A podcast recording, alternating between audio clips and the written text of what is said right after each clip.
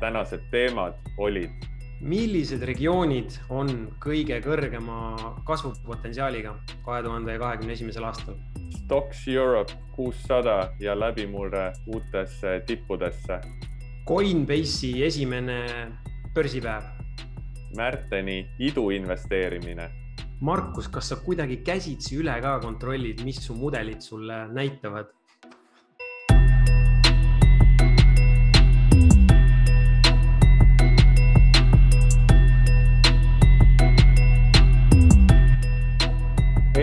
Vaatajad-kuulajad, järjekordne saade number kolmteist sarjast Börsijutud alustab.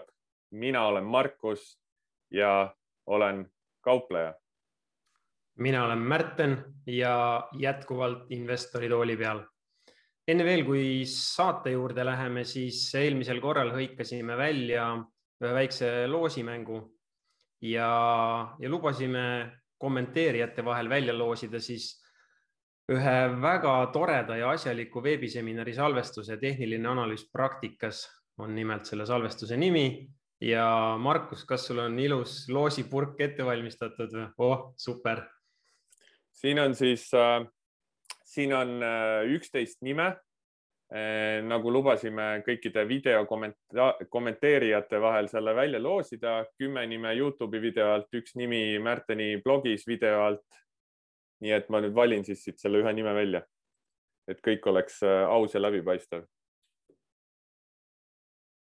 loksutad ikka veel, jah?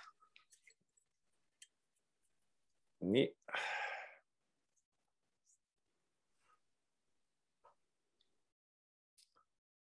Tanel K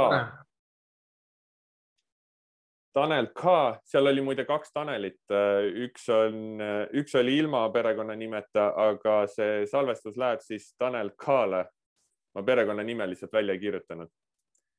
nii et äh, Tanel K, saada palun email meile borsijutud.gmail.com ja siis saad sa ligipääsu sellele salvestusele.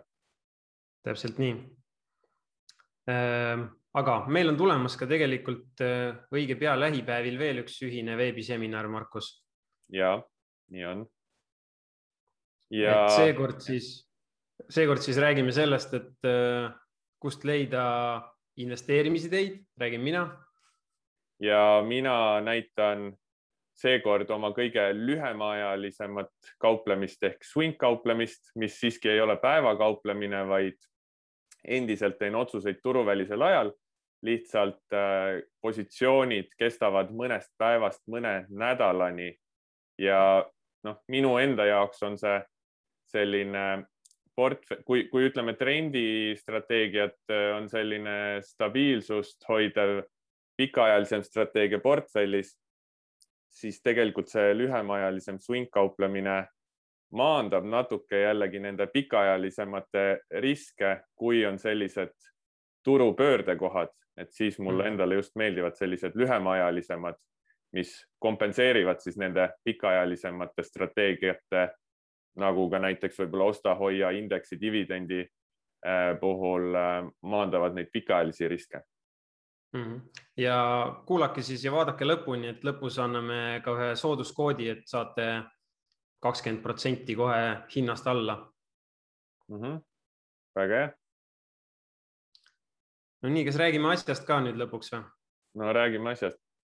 räägime sellest, mis äh, parasjagu mõtetes ja, ja hinges on ja ma teen otsa lahti ja alustuseks, äh, alustuseks ma tahaksingi jagada lihtsalt ühte sellist äh, kuidas seda öelda, töövahendit või ressurssi või, või väga tänuväärset äh, infopaketti, mida siis iga kvartal on kõigil võimalik tasuta alla laadida ja millega tutvuda. ehk siis, millest ma räägin, on USA investeerimispanga JP Morgani Guide to Markets ja, ja paneme kommentaaridesse lingi ka, et kus te pääsete ligi sellele, siis nagu ma ütlesin, kord kvartalis antakse välja. aga täna tahtsin lihtsalt paari pilti näidata sellest raportist, et, et te näeks, millega on tegu ja, ja mis vallas siis infot sealt oodata võiks, et seal sektsioone on hästi palju, saate igaüks ise tutvuda. tänaseks valisin välja kolm pilti ja, ja esimene räägib globaalsest aktsiaturu struktuurist ja, ja ennekõike heitke pilk siia, siia parempoolsetele graafikutele, kus ähm, puhtalt neile, kes on näiteks ähm, investeerimisega või aktsiaturgudega toimetades alles algusjärgus, siis ähm, saate kohe pildi ette, et äh, mis on see erinevate riikide ja regioonide osakaal globaalses aktsiaindeksis, et me näeme, et USA aktsiaturg moodustab üle poole, suuruselt järgmised on juba arenevad turud ja, ja sellele järgneb siis Euroopa eh, ilma Suurbritanniata. aga minu jaoks väga huvitav graafik oli just see alumine parempoolne ehk ehm, siis erinevate riikide, regioonide turustruktuur mõõdetuna selles valguses, kui palju on seal tehnoloogiasektori aktsiaid ja kui palju on tsüklilisi sektoreid. Noh, tsüklilised sektorid on siis sellised ehm, kestvuskaubad, äh, erineva materjalitööstus, energiasektor, äh, tööstussektor ja nii edasi. ja, ja üks selline tõenäoliselt asi, mis tuleb üllatusena võib-olla päris paljudele, on see, et vaadake, kui palju on IM-is ehk arenevatel turgudel tehnoloogiasektori osakaal, et see on ikkagi päris, päris kõrge, kui USA-s on kakskümmend seitse, siis IM-is tervikuna kakskümmend üks ja ja Põhja-Aasia arenevatel turgudel koguni kakskümmend üheksa protsenti, samas Euroopas kõigest kaheksa. ja, ja teine pool, need hallid tulbad ehk äh, tsüklilised äh, sektorid. noh, kui me mõtleme selle peale, mis siin toimub, on ju rahatrükk ja, ja kõik muu selline äh, majanduse stimuleerimine, siis tavaliselt minevikus just need tsüklilised sektorid on olnud sellised, mis on lõiganud edu ja, ja ja kasu sellest, et noh, vaadake kasvõi ma ei tea, ehitusfirmade, materjalitootjate ja, ja, ja, ja muude sarnaste ettevõtete aktsiate hinda ja, ja seda käekäiku viimaste kuude jooksul. ja järgmine pilt ähm, näitab seda, kuidas ja milliste regioonide aktsiatel on justkui läinud siis minevikus kõige paremini et jällegi need, kes on alustanud investeerimisega suhteliselt hiljuti, noh, see USA turgude võidukäik ja võitmatus, see tundub juba kuidagi ilmselge. Ja, ja viimaste aastate jooksul ma väga sageli olen saanud küsimusi, et, et nagu miks üldse mingeid muid riike või regioone vaadata, kui USA tehnoloogia hiiud on lihtsalt kogu aeg võidavad ja USA aktsiaturg on maailma parim.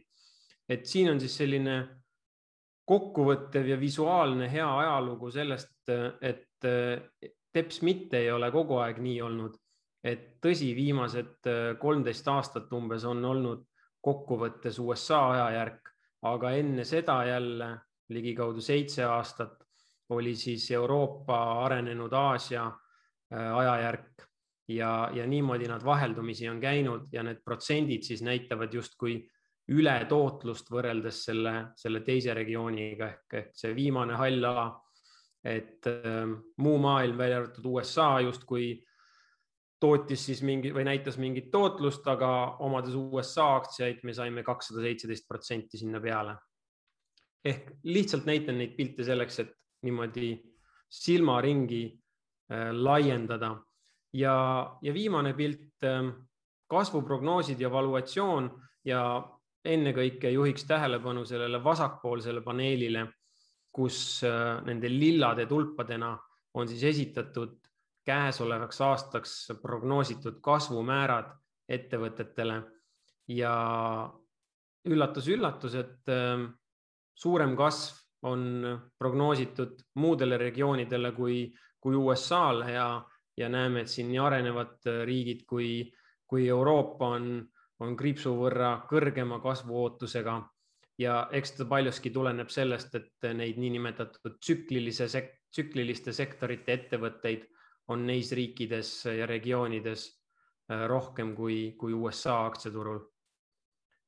vot sellised mõtted, et täitsa väärtuslik ja, ja tasuta kõigile kättesaadav ressurss ja Markus, mis mõtted sinul tekivad üldse, kui sa neid, neid pilte vaatad?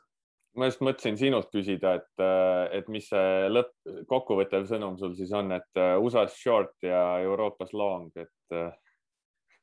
tead, mitte nagu nii kardinaalselt, et USA-s short, et ma ütleks, et minu kokkuvõte pikaajalistele investoritele, ükskõik, kas sa oled selline passiivne indeksinvestor või aktiivselt aktsiaid valiv, et, et tuletada meelde, et maailmas on muid turge ka peale USA aktsiaturu ja, ja, ja kui me vaatame nii-öelda fundamentaalselt või siis makromajanduse arenguid silmas pidades, siis kuidagi kipub olema rohkem tõendeid, et pärituul puhub Euroopa ja ennekõike arenevate riikidele arenevate riikide aktsiatele nüüd siin hoogsamalt? aga minu vastus tegelikult on äh, konkreetne, et äh, mina valmistasin ka tänaseks ühe graafiku ette, mis on, mis ongi tegelikult vastus sellele sinu teemale. ja ees on siin siis Stocks Europe kuussada ehk Euroopa indeksi väga pikaajaline kahekümne aasta graafik ja jäi see mul lihtsalt Twitteris silma ja tahtsin ka meie vaatajate-kuulajatega jagada seda.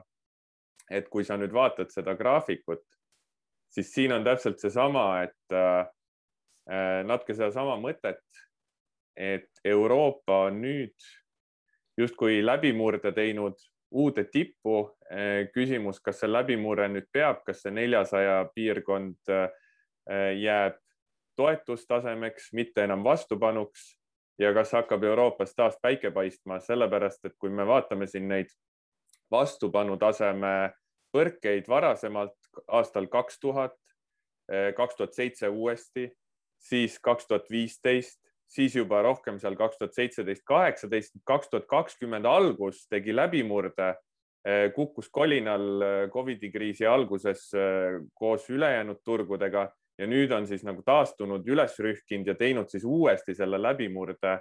et selline huvitav, huvitav setup siis äh, Euroopa indeksi investoritele või mis sa arvad?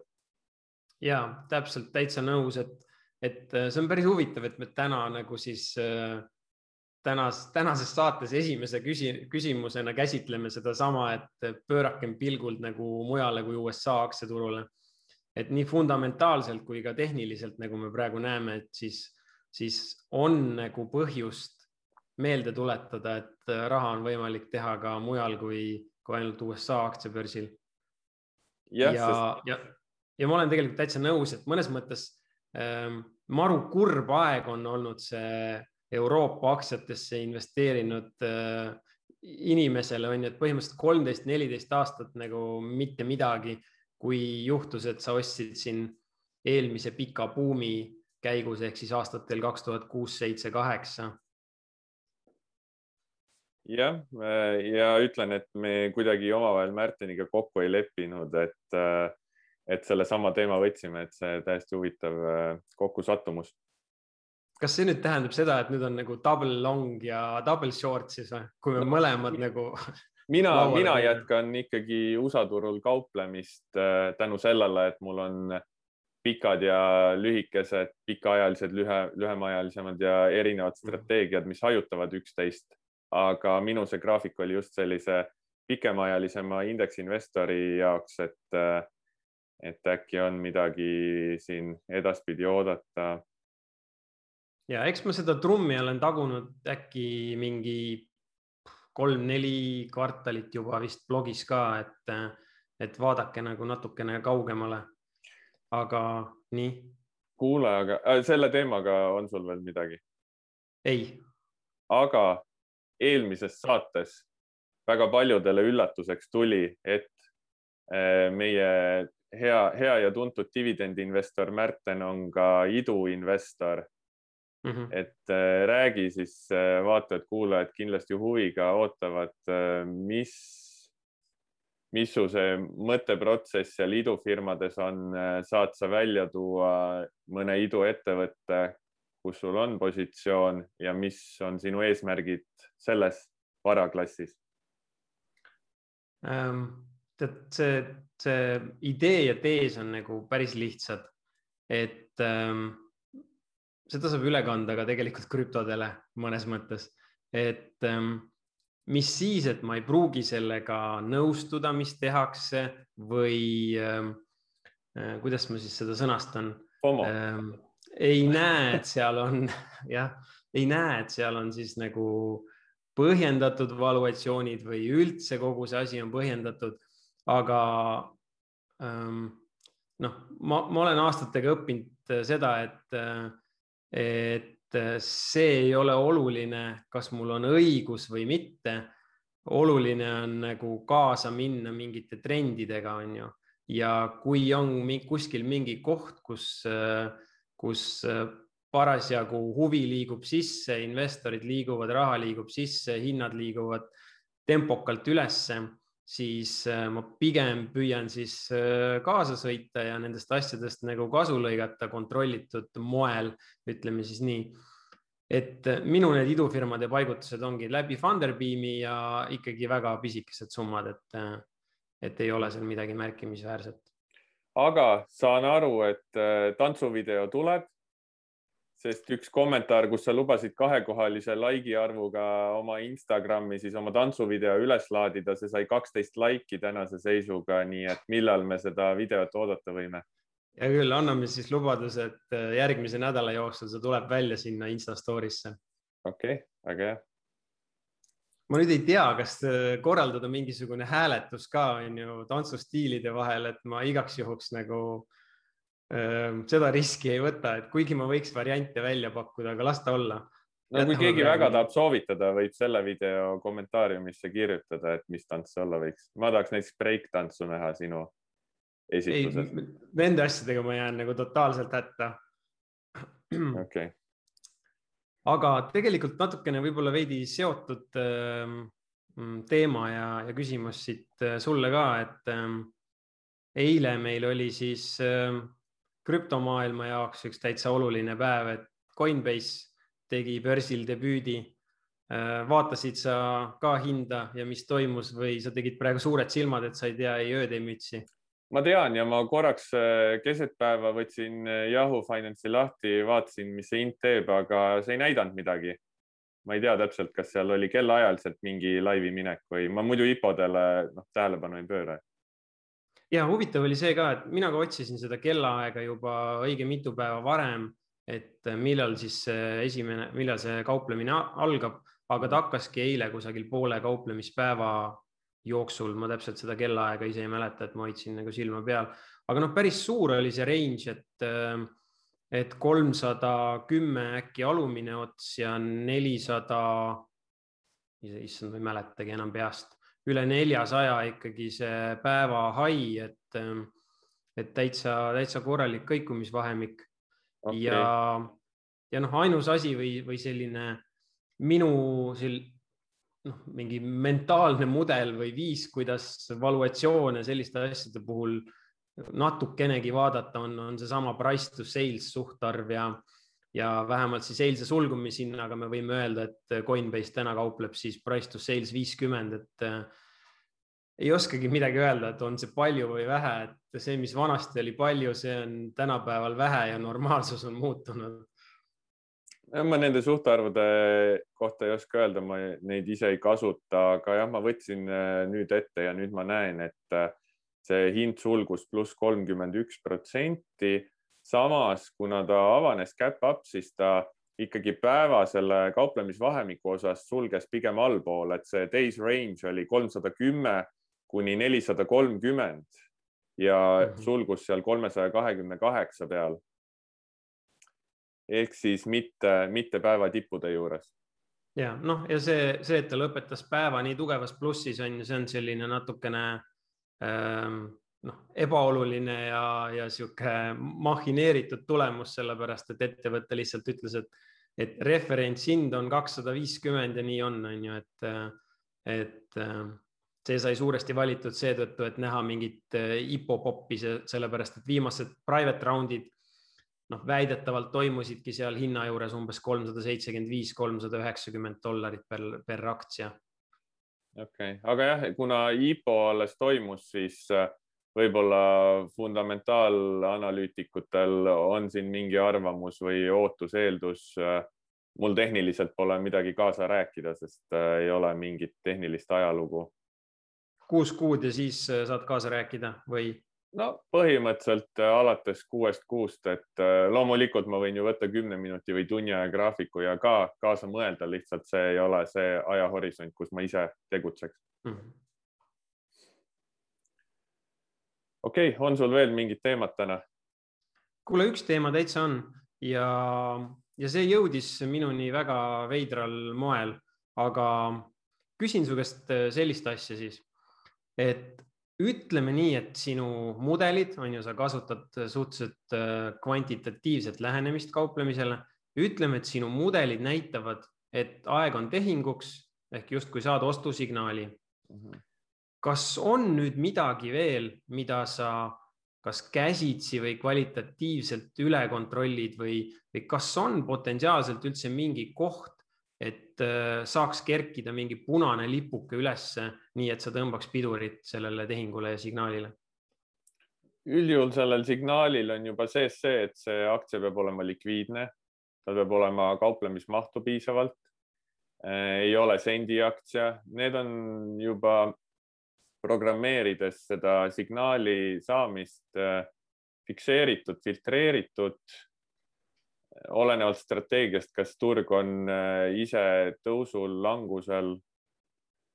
üldjuhul on need kõik juba, juba sisse arvestatud, et kui ma signaali saan, siis ikkagi nii-öelda Excel annab mulle selle positsiooni suuruse, need stop'id, target'id ja see läheb minu siis maakler tarkvarasse orderina sisse. Et ma, ma püüan hoida nii, et ma ei hakkaks kõhutundega kuidagi üle käima seda. kas sa mõtlema. üldse, kas sa earnings kuupäeva ka üldse nagu vaatad, et kui see on näiteks mingi nädala või kahe pärast, et siis, siis pigem ei võta positsiooni täna või ülehomme? lühemaajalisematel näiteks see swing kauplemine, millest järgmisel esmaspäeval veebikas räägin seal ma vaatan seda, kuna need on lühiajalised tehingud äh, ja see earnings pop up-down, see võib olla selline märkimisväärsem ja seal ma tõesti ei võta positsiooni, kui see on järgneva nädala jooksul mm. -hmm. aga pikemaajalisematel näiteks trendipositsioonidel ma ei vaata seda earnings'it üldse, et on nii nagu on. okei okay.. mida pikemaajalisem see positsioon on seda vähem sellised lühiajalised kõikumised või tulemuste avaldamise hüpped äh, rolli mängivad, aga lühemaajalisemal, kus see stopp on lähemal ja see positsiooni suurus on võib-olla suurem selle võrra, et seal ma ei sõida läbi earnings'i, et äh, kui ka on positsioon juba avatud ja see tulemuste avaldamise kuupäev saabub, siis ma lähen päev varem välja. et vahel see töötab kasuks, vahel kahjuks see ongi minu jaoks rohkem selline loto, et kui ma selle lühemaajalise sealt läbi sõidaks, sellepärast ma võtan selle positsiooni enne seda maha. okei okay., no miks ma seda punase lipukese teemat või, või nii-öelda mingit lisa manuaalse filtri teemat üldse äh, küsisin ja miks ma selle teemaks tõstsin, on see, et ühes podcast'is loeti ette siis lugejate kirju ja, ja, ja seal oligi umbes sarnane küsimus, et äh, et tundus, et ähm, filoloogiaharidusega inimene siis oli soovinud osta USA ehitussektori ettevõtet või homebuilderit nimega Lennar Corp, oli lugenud ähm, kirja aktsionäridele, mis siis on iga aasta aruande esimeses osas. Ja, ja kui ta ütles, et esimeses kahes lõigus oli kolm koma puudu, suurte väikeste tähtede kasutamine, kõik on ju segamini, laused ebaselged ja grammatiliselt valed, siis äh, tema tundis, et tema käsi nagu ei tõuse ostunuppu vajutama. ja, ja siis ma hakkasingi mõtlema, et äh, kas mul on endal midagi sellist ja, ja sealt veel edasi, et kas sinul kvantitatiivse kauplejana üldse on midagi, mis äh, tõmbab kuskil pidurit või mitte? ühesõnaga ei, ma panen kõik need reeglid enne paika ja siis, kui on see signaal, siis on signaal, et ma ei püüa hakata siis sisetunde järgi või, või mingite lisainfot otsides mõjutama seda otsust, et ma arvan, see rikuks ära selle backtest'i tõenäosusliku tulemuse või mm? -hmm.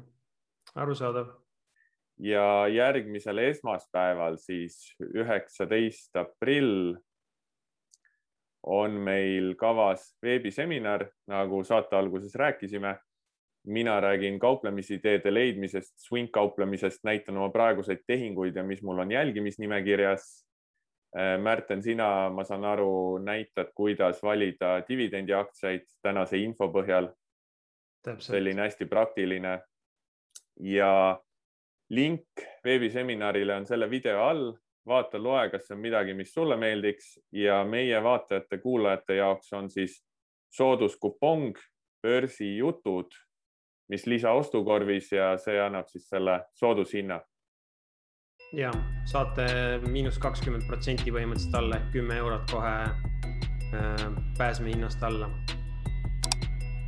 ja võib-olla ma ütlen, et ma jagan siis muuhulgas äh, ühte äh, tasulisel platvormil tehtud äh, screen imist või, või otsingut äh,, millele noh, paljudel dividendiaktsiate huvilistel ligipääsu tõenäoliselt ei ole, maksab niisugune kolmsada üheksakümmend üheksa dollarit per aasta. Et, ähm, et noh, tuleb tõenäoliselt selline hea insight, et ise kasutan regulaarselt, no umbes niimoodi kvartalis korra ikka käin ja, ja screen in seal äh, ettevõtteid selle filtri ja, ja screeneri abiga.